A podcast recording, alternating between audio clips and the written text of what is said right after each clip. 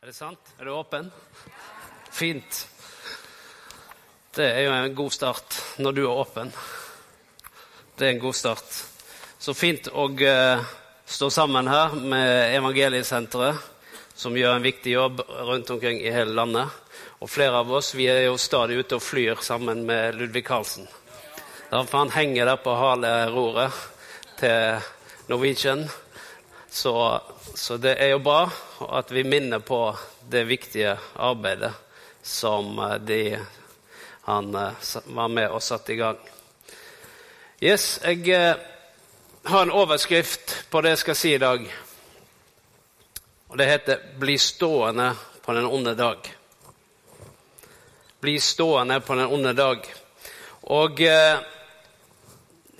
i, i oppkjøringa til møtet her så hadde egentlig tenkt på noe annet, men jeg tror faktisk jeg har et ord til flere her i dag. Og eh, du vet, vi kan, prate, vi kan preke om søndager, eller vi kan preke om mandager. Og søndager, når vi er sammen og står og løfter hendene, og eh, vi har fellesskap, og vi drikker kaffe, og, da, og til og med det er fint vær, så er det ganske greit. Men eh, vi har alle noen mandager, har ikke vi det? Og noen tirsdager hvor eh, eh, livet møter oss på en litt eh, vanskelig måte, kanskje, eller overrasker oss, eller Og eh, i Efeserbrevet har jeg lyst til å lese først fra kapittel 6.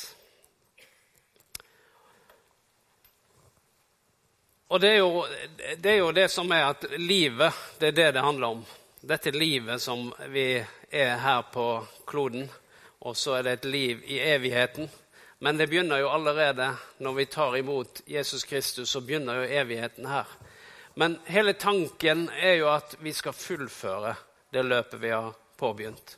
Det er ikke slik at vi skal stoppe opp underveis eller skal eh, ikke fullføre på noen slags måte, men vi skal bli stående på den onde dagen. Stole på at Gud, som er mektig, er med deg. Jeg leser fra vers 10. Til slutt, bli sterk i Herren i Hans veldige kraft. Ta på Guds fulle rustning, så dere kan holde stand mot djevelens lumske angrep, eller listige angrep. For vi har ikke kamp mot kjøtt og blod, men mot maktene, mot myndigheter, mot verdens herskere i dette mørket, mot ondskapens ånde her i himmelrommet. Ta derfor Guds fulle rustning på, så dere kan gjøre motstand på den onde dag og bli stående etter å ha overvunnet alt. Det er det som er Guds tanke på den onde dag. Det er at du skal bli stående etter å ha overvunnet alt. Det står her om uh, djevelens listige angrep. Når, vi kommer til menigheten, så skal vi helst snakke om Jesus. ikke sant? Men nå snakker jeg om djevelen. Men det er ikke fordi at vi skal løfte han opp. Det er det at han som bor i oss, er større enn han som er i verden. Så det at vi er på den sterkestes parti. Vi er på partiet med han som det står at vant en evig seier. Men likevel så påminner de, eh, Bibelen oss flere ganger om at det fins en som prøver seg på oss. Så det å late som at han ikke er der, da bedrar vi oss selv. Men hvis vi vet, og, og Paulus sier, hva han har i sinne, det vet vi.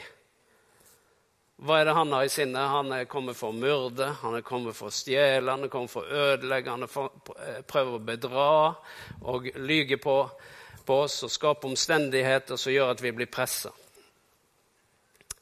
Men Guds tanke er at vi skal bli stående etter å ha overvunnet alt. Den onde dag, er det liksom, eh, er tanken da at kun den ene dagen? Den onde dag?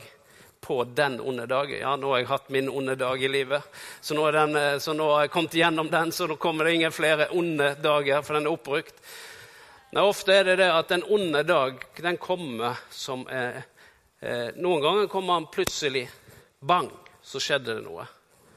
Men andre ganger så kommer det er slik at vi over tid har, har vært omstendigheter eller tankekjør eller følelser eller ting som har møtt oss, og så plutselig så blir den onde dagen den dagen hvor du virkelig kjenner at nei, makter jeg dette? Kan jeg stå i dette? Og det er der at Herren sier da skal du bli stående. Du skal bli stående på den onde dagen fordi at Herren er den som støtter oss og hjelper oss. Og det er Guds tanke om oss. Det en som heter Peter, som har skrevet første Peters brev. Peter var en av disiplene. Og i første Peters brev så skriver han i kapittel 1 og vers 6 og 7. Og den her, den er så, det er ikke det verset vi kanskje leser på den onde dag. Derfor skal dere juble av glede, selv om dere en liten stund har sorg. Det er ikke slik at det er kanskje den dagen vi jubler høyest. Men så sier han det at eh, dette skjer for at deres prøvede tro, som er langt mer kostbar enn forgjengelig gull, som jo lutres ved ild, skal finnes til lov og pris ved Jesu Kristi åpenbaring. Det står en liten stund så kan vi møte noen prøvelser. Men selv om vi møter noen prøvelser, så kan vi beholde denne gleden i Gud og den tryggheten i Gud om at han er med oss, og han skal ta oss igjennom. Det er jo slik at eh, eh når det står at troen vår blir, blir prøvd, står det, der troen blir testet og eh, det er jo slik at når vi består testen, så bygger det styrke inn i vårt liv. Men hva hvis vi da ikke består testen? Ja, da reiser jeg meg og så tar jeg testen en gang til. Fordi noen ganger så kan en fokusere for mye på at jeg besto ikke testen. Hvordan er det med når du tar, kjører opp til sertifikat? Det er ikke sikkert du består testen første gangen. Hva tenker du da? Nei, kjøring er ikke for meg. Nå har jeg brukt opp min sjanse. Nei, da kjører du opp en gang til. Er det noen som måtte kjørt opp flere ganger? Jeg har ikke det, men eh, kom an, nå. Er det noen? Ingen her. Det er flere faktisk som har kjørt opp flere ganger. Men kjører du bil? Det er noen som har gitt seg. Ja, mm, Nei da, vi skal ikke ripe opp i det nå. Men hva er det som skjer? Det er at du gjør det en gang til. Fordi Istedenfor å fokusere på nederlaget, så fokuserer en på muligheten. Fordi vi er på vei en plass. Jeg har satt meg noe for det. Og underveis så møter vi, eh, blir vi testa, det blir vi prøvd. Det er ting som kanskje blir litt større for oss enn det vi makter. Og noen ganger så er det faktisk sånn at vi ikke helt består testen. Men fokuserer ikke på det. Men vi tenker OK, da reiser jeg meg opp, og så går jeg videre. Og så neste gang da skal jeg bli stående. Nei, men det gikk ikke neste gang heller. Hva gjør du da? Nei, Da tenker du nei, men jeg reiser meg opp igjen, og neste gang skal jeg bestå testen. Fordi vi gir aldri opp. Fordi Guds tanke om oss er at vi skal bli stående etter å ha overvunnet alt. Det er ganske kraftig. Jeg er så glad for at ikke jeg har skrevet det. For da hadde det vært skrevet i kristne aviser allerede. Han sa at vi skulle bli stående etter og vunnet alt. Det var den nye overskriften i en eller annen kristen avis i dette landet. Men det er Paulus som sier det. Det er Guds tanke for oss. Det er at vi skal bli stående. Og på hvilken dag? Den Yes, den dagen hvor det virkelig fighter på. Denne Peter som skriver dette. Det er litt spesielt det at det er Peter som skriver det. For Peter han var en av de som falt. Han var en av de som svikta av disiplene. Det var flere som svikta, men han følte det traff han litt sånn ekstra. Fordi Peter han var litt sånn høy bekjennelse. Så han sa om, om så alle forlater deg, så skal jeg bli stående. Jeg skal bli stående, sa han. Det var, liksom, det var ikke tvil i hans sjel at han kunne falle. Nei, han skulle bli stående. Og så vet vi hva som skjedde med Peter. Men når det nærmer seg at Jesus skulle bli korsfestet, så sier Jesus plutselig til Peter, eller Simon, som han òg hadde som navn, så sier han, 'Simon, Simon, se, Satan krevde å få dere i sin makt. Altså ikke bare Peter, men hele disippelflokken. For å sikte dere som hvete, står det. Den, har du sikta hvete noen gang? Er det noen som har holdt på med sånt? Jeg har prøvd i hvert fall. Ta hvetemel opp i en sånn sikt. Det er ganske, det er ganske tynt, det som kommer gjennom der. Så da kan vi skjønne at her var det en beskrivelse av at uh, han har prøvd. Han har krevd, sier han, å få dere i sin makt. Så sier Jesus noe fantastisk. Men jeg har bedt for deg at din tro ikke måtte svikte. Jeg har bedt for deg at din tro ikke måtte svikte. Hva betyr det når Jesus ber slike bønner? Han vet hvem vi er. Han vet at på den onde dagen så blir vi sikta som vet. Altså, det er nesten som at denne Satan har krevd våre liv. Men da sier han da går jeg i formen for deg. Og da står jeg deg ved siden av deg, jeg bærer deg, og jeg støtter deg for at din tro ikke må svikte. Så vet vi at Peter svikta Jesus, men jeg tror ikke han svikta troen på Jesus. Jeg tror han var mest skuffa over seg sjøl. At han ikke sto når Jesus trengte ham mest. Og så trekte han seg unna.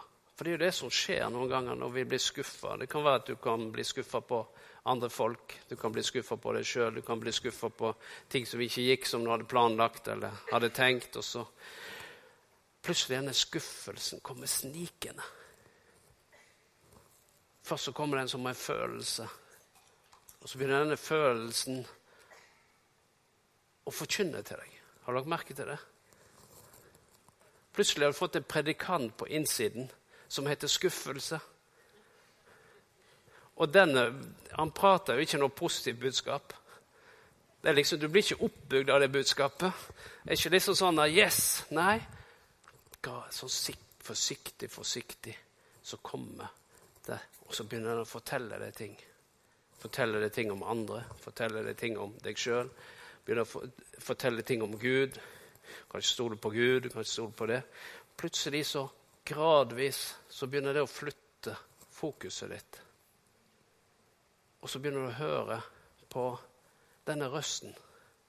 Det kan være bitterhet, det kan være skuffelse, det kan være forskjellige ting. Men du kjenner det igjen. For plutselig er det noen som forteller deg et budskap, og du begynner å lytte. Det står at troen kommer av budskapet en hører. Og Da kan det være et budskap fra Guds ord, og det bygger oss opp. Men det kan òg være et annet budskap vi hører. Så begynner vi å lytte. Kanskje vi får litt selvmedlidenhet, ser litt synd på oss selv. og Tenker det er ingen som ser meg, det er ingen som hilser på meg. og Jeg er helt alene her i verden. Det sa profeten òg. Elias han følte han var helt alene. Kom Gud til han, Nei, det er 7000 til. Det er ikke bare du, sa han til han. Men noen ganger føler vi sånn. Det er bare meg.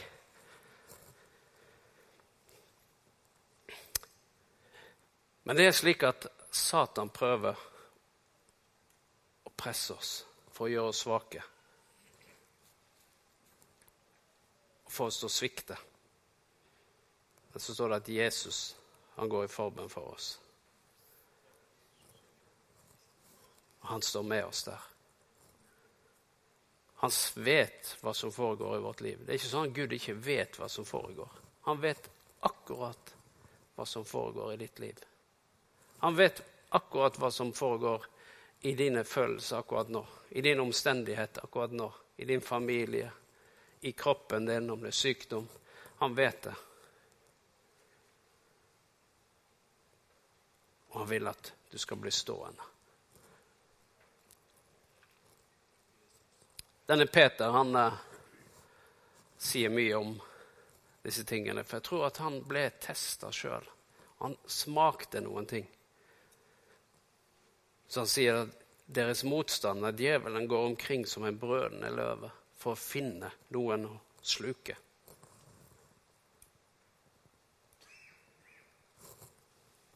Har du møtt en brølende løve noen gang? Jeg har faktisk det. Heldigvis var det gitter imellom. Men når den løven brølte, så har du vært på en rockekonsert eller en konsert eller på et lovsangsmøte i Kredokirken noen gang og kjent bassen vibrere. Du kjenner at innvollene dine vibrerer. Har du vært på noe sånt noen gang? Du kjenner liksom, Sånn var det brølet.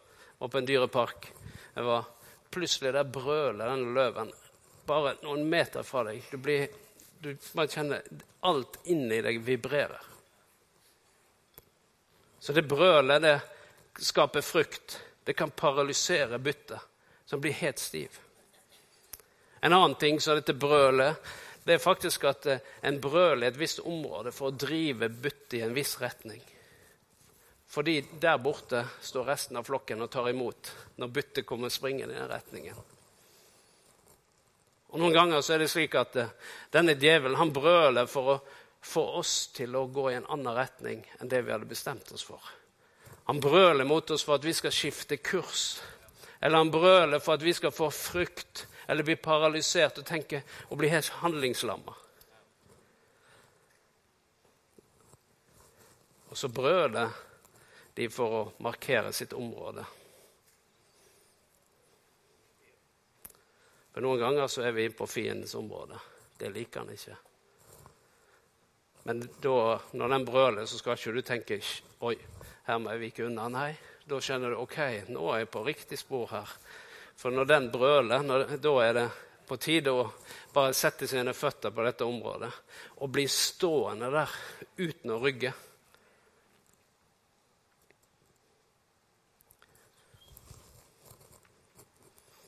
Jeg er så glad fordi at jeg har Gud på mitt parti, og at jeg har Jesus Kristus på innsiden, og at han har sagt at jeg har får bruke hans navn for det står at han stilte maktene og myndighetene til spott og spe da han triumferte over dem på korset.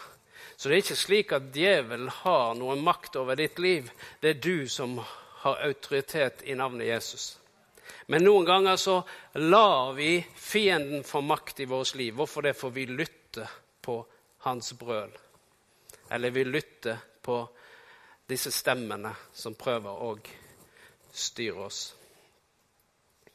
Jakob sier det samme. Stå djevelen imot, så skal du flykte fra ham. Nei, så skal han flykte fra deg. Så du har makt med Gud.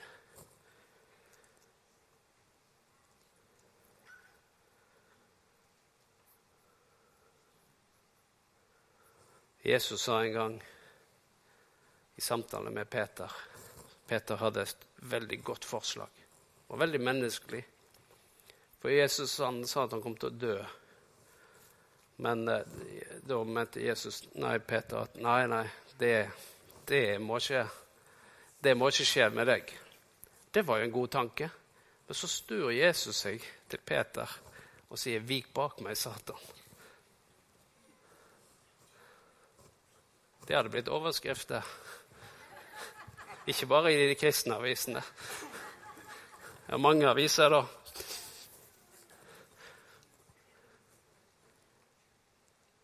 Tror du Peter ble såra da? Når Jesus sier til ham 'Vik bak meg, Satan'. tenker, Hva skjer nå? tenker Peter. Men hva var det Jesus snakket til? Det var disse menneskelige tankene, disse forslagene, som så så fornuftige ut. Og da må du noen gang si Vik bak meg, Satan.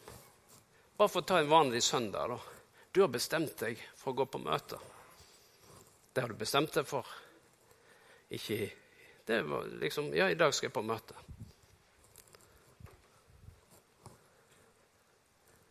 Plutselig våkner du søndagen.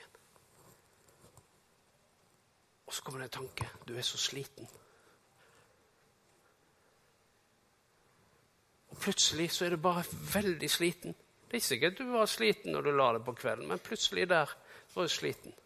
Er det sånn at uh, det er ikke feil å bli sliten? Nei, det er helt vanlig det at vi kan bli slitne. Men noen ganger så har jeg lagt merke til at det er påfallende når sånne ting dukker opp. Jeg har sett hvordan bare meg og Tanja, da vi skal gjøre en del ting vi skal gjøre, noen viktige ting. Plutselig så dukker ting opp. Plutselig skjer det ting rundt oss. Og så tenker vi hvorfor skjer dette akkurat nå? Når vi har bestemt oss noe som er viktig, som har med Guds rike å gjøre. Det skjer aldri hvis det, hvis det er et eller annet en skal gjøre. Men med en gang det er knytta til noe åndelig, noe med Guds rike, så plutselig så er det som om helvete bryter løs. Plutselig blir en sliten. Får du skallebank, og så får du feber. Jeg vet ikke hva som skjer. Og så eh, Bilen stopper, og kontoen er tom. Og, ja, det er så mye som skjer plutselig, for du har bestemt deg for å gjøre noen ting. Og plutselig så er det som alt rundt deg begynner å presse på. Og da er det dette brølet som prøver å få deg til å skifte retning prøver å endre kurs. For det er sånn han prøver å få oss. Og da bruker han omstendigheter. Da bruker han tankene våre, følelsene våre. Til og med feber kan være naturlig, men noen ganger kan det også være at fienden bruker det.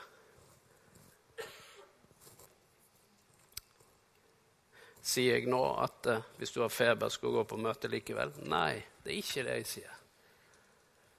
Hvis du er sliten, så skal du gå på eh, Nei, det er ikke det jeg heller sier.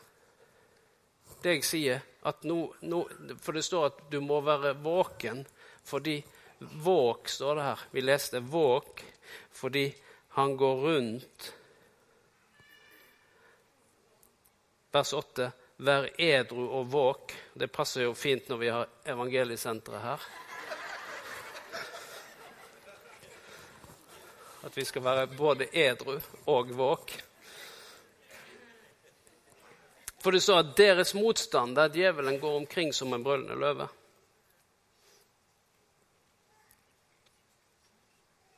Vær våken. Og det er det som er. Så jeg tror Gud vil hjelpe oss til det å tenke gjennom og være våken for hva er det som foregår i livet ditt akkurat nå. Hvorfor har kritikken begynt å øke mot en eller annen? Hvorfor er du blitt mer og mer negativ om arbeidsplassen din, om en eller annen i slekten din? Hvorfor kommer dette opp? Hvorfor prater jeg annerledes nå enn jeg gjorde for noen måneder siden? Det å være våken for hva er det som foregår i livet mitt. Hvorfor jeg begynte å tenke negativt. Det var det de prøvde å teste denne damen som aldri sa noe negativt om noen. Og da var det ja, men djevelen må du jo si noe negativt om. Da var svaret han er veldig aktiv. Han er veldig aktiv, så hun klarte ikke å si noe negativt en gang om djevelen. I Isaiah 32, 7 skal jeg lese fra eh, Bibelen, Guds ord. Der står det at bedragerens våpen er onde. Bedragerens våpen er onde. Han legger listige planer for å ødelegge den elendige med løgnaktige ord. Det står, står litt annerledes på 2011-oversettelsen. Dette er Bibelen, Guds ord. Bedragerens våpen er onde. Jeg syns det er ganske beskrivende. Fordi han legger listige planer ved å ødelegge den elendige med løgnaktige ord. For det er det han holder på med hele tiden. Han prøver seg fordi det, Jesus sier at han er løgnens far, sier han. Og det, det vi skal tenke, det er følgende både Jakob og Peter og Jesus og Paulus snakker om djevelen. Hvorfor gjør de det? Jo, fordi at jeg tror de skal hjelpe Det er ikke det de snakker mest om, men, og det er ikke det vi snakker mest om her heller. Men vi er inne på det en gang iblant. Men hvorfor nevner de det? Jo, fordi at vi skal være våken og vite hva er det som foregår. Hva foregår i mitt liv? Fordi det er flere ting som kommer imot oss, og noen ganger kommer det samtidig. Den tiden vi lever i, det kan begynne å påvirke meninger rundt oss skal begynne å påvirke oss og føre oss bort fra Guds sannhet. Tankekjør. Er det noen som har tankekjør noen gang? Vi har tankekjør hele gjengen.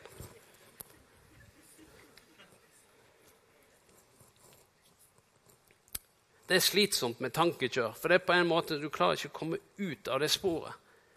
Fordi det bare foregår noe inni her som maler. Relasjoner. Noen ganger så lar vi andres dårlige dag bli vår dårlige dag. Og noen ganger blir vår dårlige dag andres dårlige dag. Det handler om relasjoner. Men det er slik at uh, ord det kan såre. Det kan skape konflikter, det kan skape avstand. Men det er, det er ting som skjer i relasjoner. Fordi at han prøver å bryte ned ekteskap, familie, vennskap og fellesskap. Økonomi, bekymring for morgendagen pga. økonomi. Omstendigheter som presser oss fra forskjellige kanter.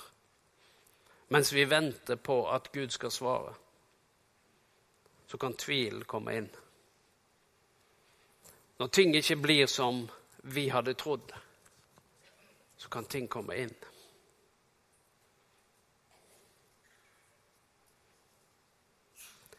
Men hvis vi vet at Gud er på vårt parti, og hvis vi klarer å avsløre hvem er det som prøver å få innpass i mitt liv akkurat nå,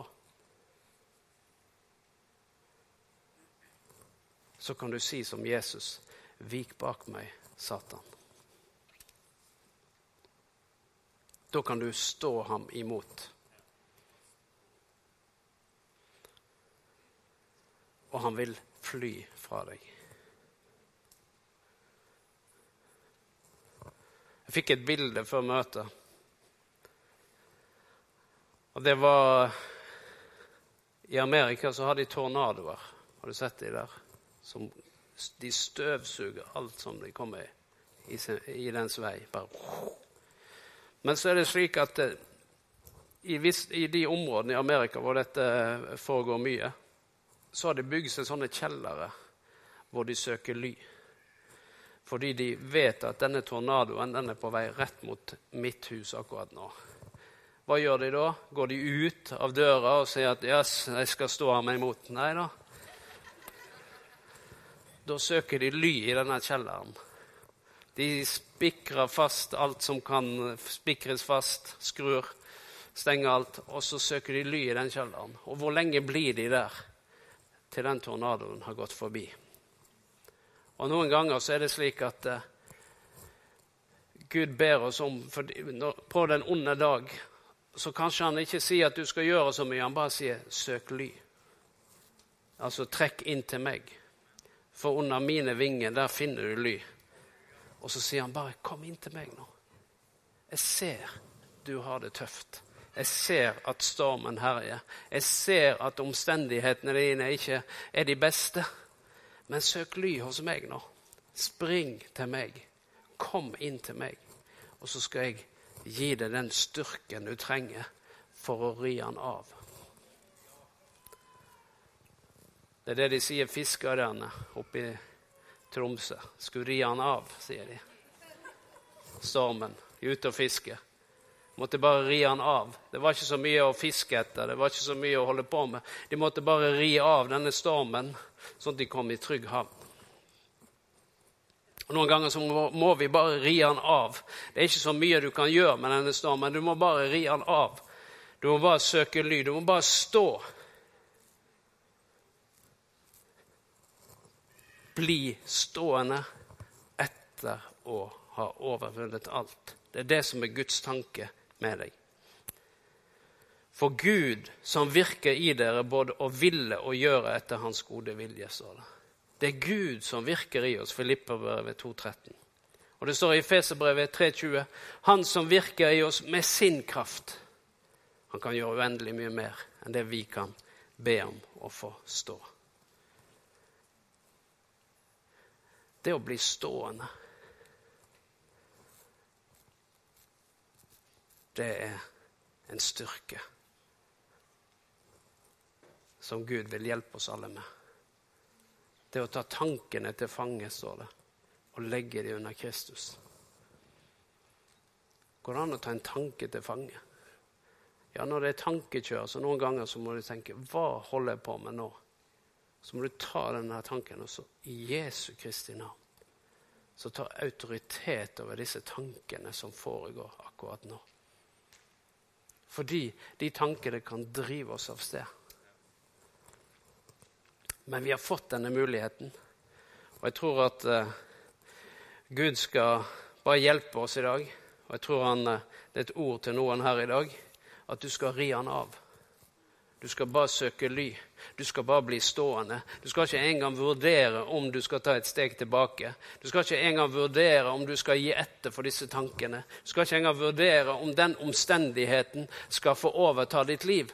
Nei, det, det er bare én ting. Det er at du skal bli stående. Jeg husker når det storma her på det verste for uh, en del år tilbake. Så opplevde jeg at Hellige Ånd kom, og så ga han meg én oppgave. Stå. Det var hele oppgaven. Stå. Og rygg ikke en meter, sa han.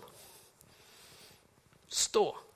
Og det sier jeg til deg òg. Stå og rygg ikke en meter. Det er ingen grunn til å vike av. Stå. Stå fast.